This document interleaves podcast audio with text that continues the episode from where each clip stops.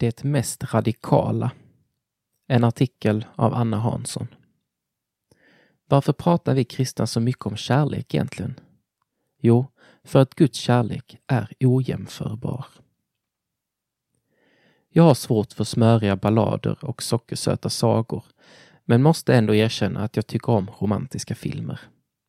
De scener som gör störst intryck på mig är när kärlek uttrycks, även om risken är stor att den inte besvaras. Det är i de nagelbitande scenerna jag inte kan hålla mig från att ropa från min soffa. Kyss honom! Älska honom tillbaka! Han förtjänar det. Jag blir eld och lågor framför skärmen, för det är så Bibeln har beskrivit Guds kärlek till mig. Vi älskar därför att han först har älskat oss. Första Johannesbrevet 4, vers 19. Men Gud bevisar sin kärlek till oss genom att Kristus dog i vårt ställe medan vi ännu var syndare. Romarbrevet 5, vers 8. Kärlek stark som döden. Gud älskade mig innan jag ens kunde ge något svar tillbaka. Han älskar mig idag, även om jag skulle lämna honom imorgon. Därför älskar jag honom tillbaka. För att han förtjänar det, men också för att hans kärlek är så ljuvlig. Den kräver inget tillbaka, är överflödande och evig. När vi lär känna Guds kärlek blir det tydligt att hans kärlek är långt bättre än den vi ser i romantiska filmer. Guds kärlek är perfekt och helig. Den går inte att jämföra med den sötsliskiga kärleken i en film.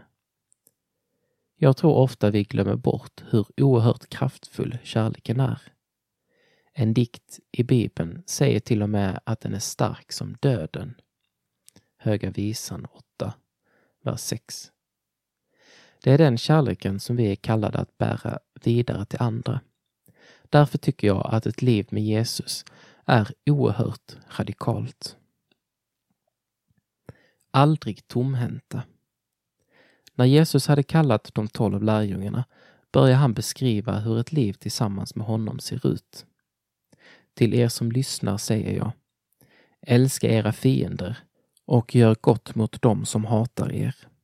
Välsigna dem som förbannar er och be för dem som förolämpar er. Om ni älskar dem som älskar er, ska ni ha tack för det? Även syndare älskar dem som visar dem kärlek. Nej, älska era fiender och gör gott och låna ut utan att hoppas få något igen. Lukas 6. Läs gärna hela kapitlet. Detta var urdrag därifrån. Att älska utan att vara säker på att få något tillbaka är radikalt. Att ge kärlek till någon som man riskerar att bli avvisad, förolämpad eller kanske till och med hatad av och ändå välja att älska är att följa Jesus. Och vi står aldrig tomhänta.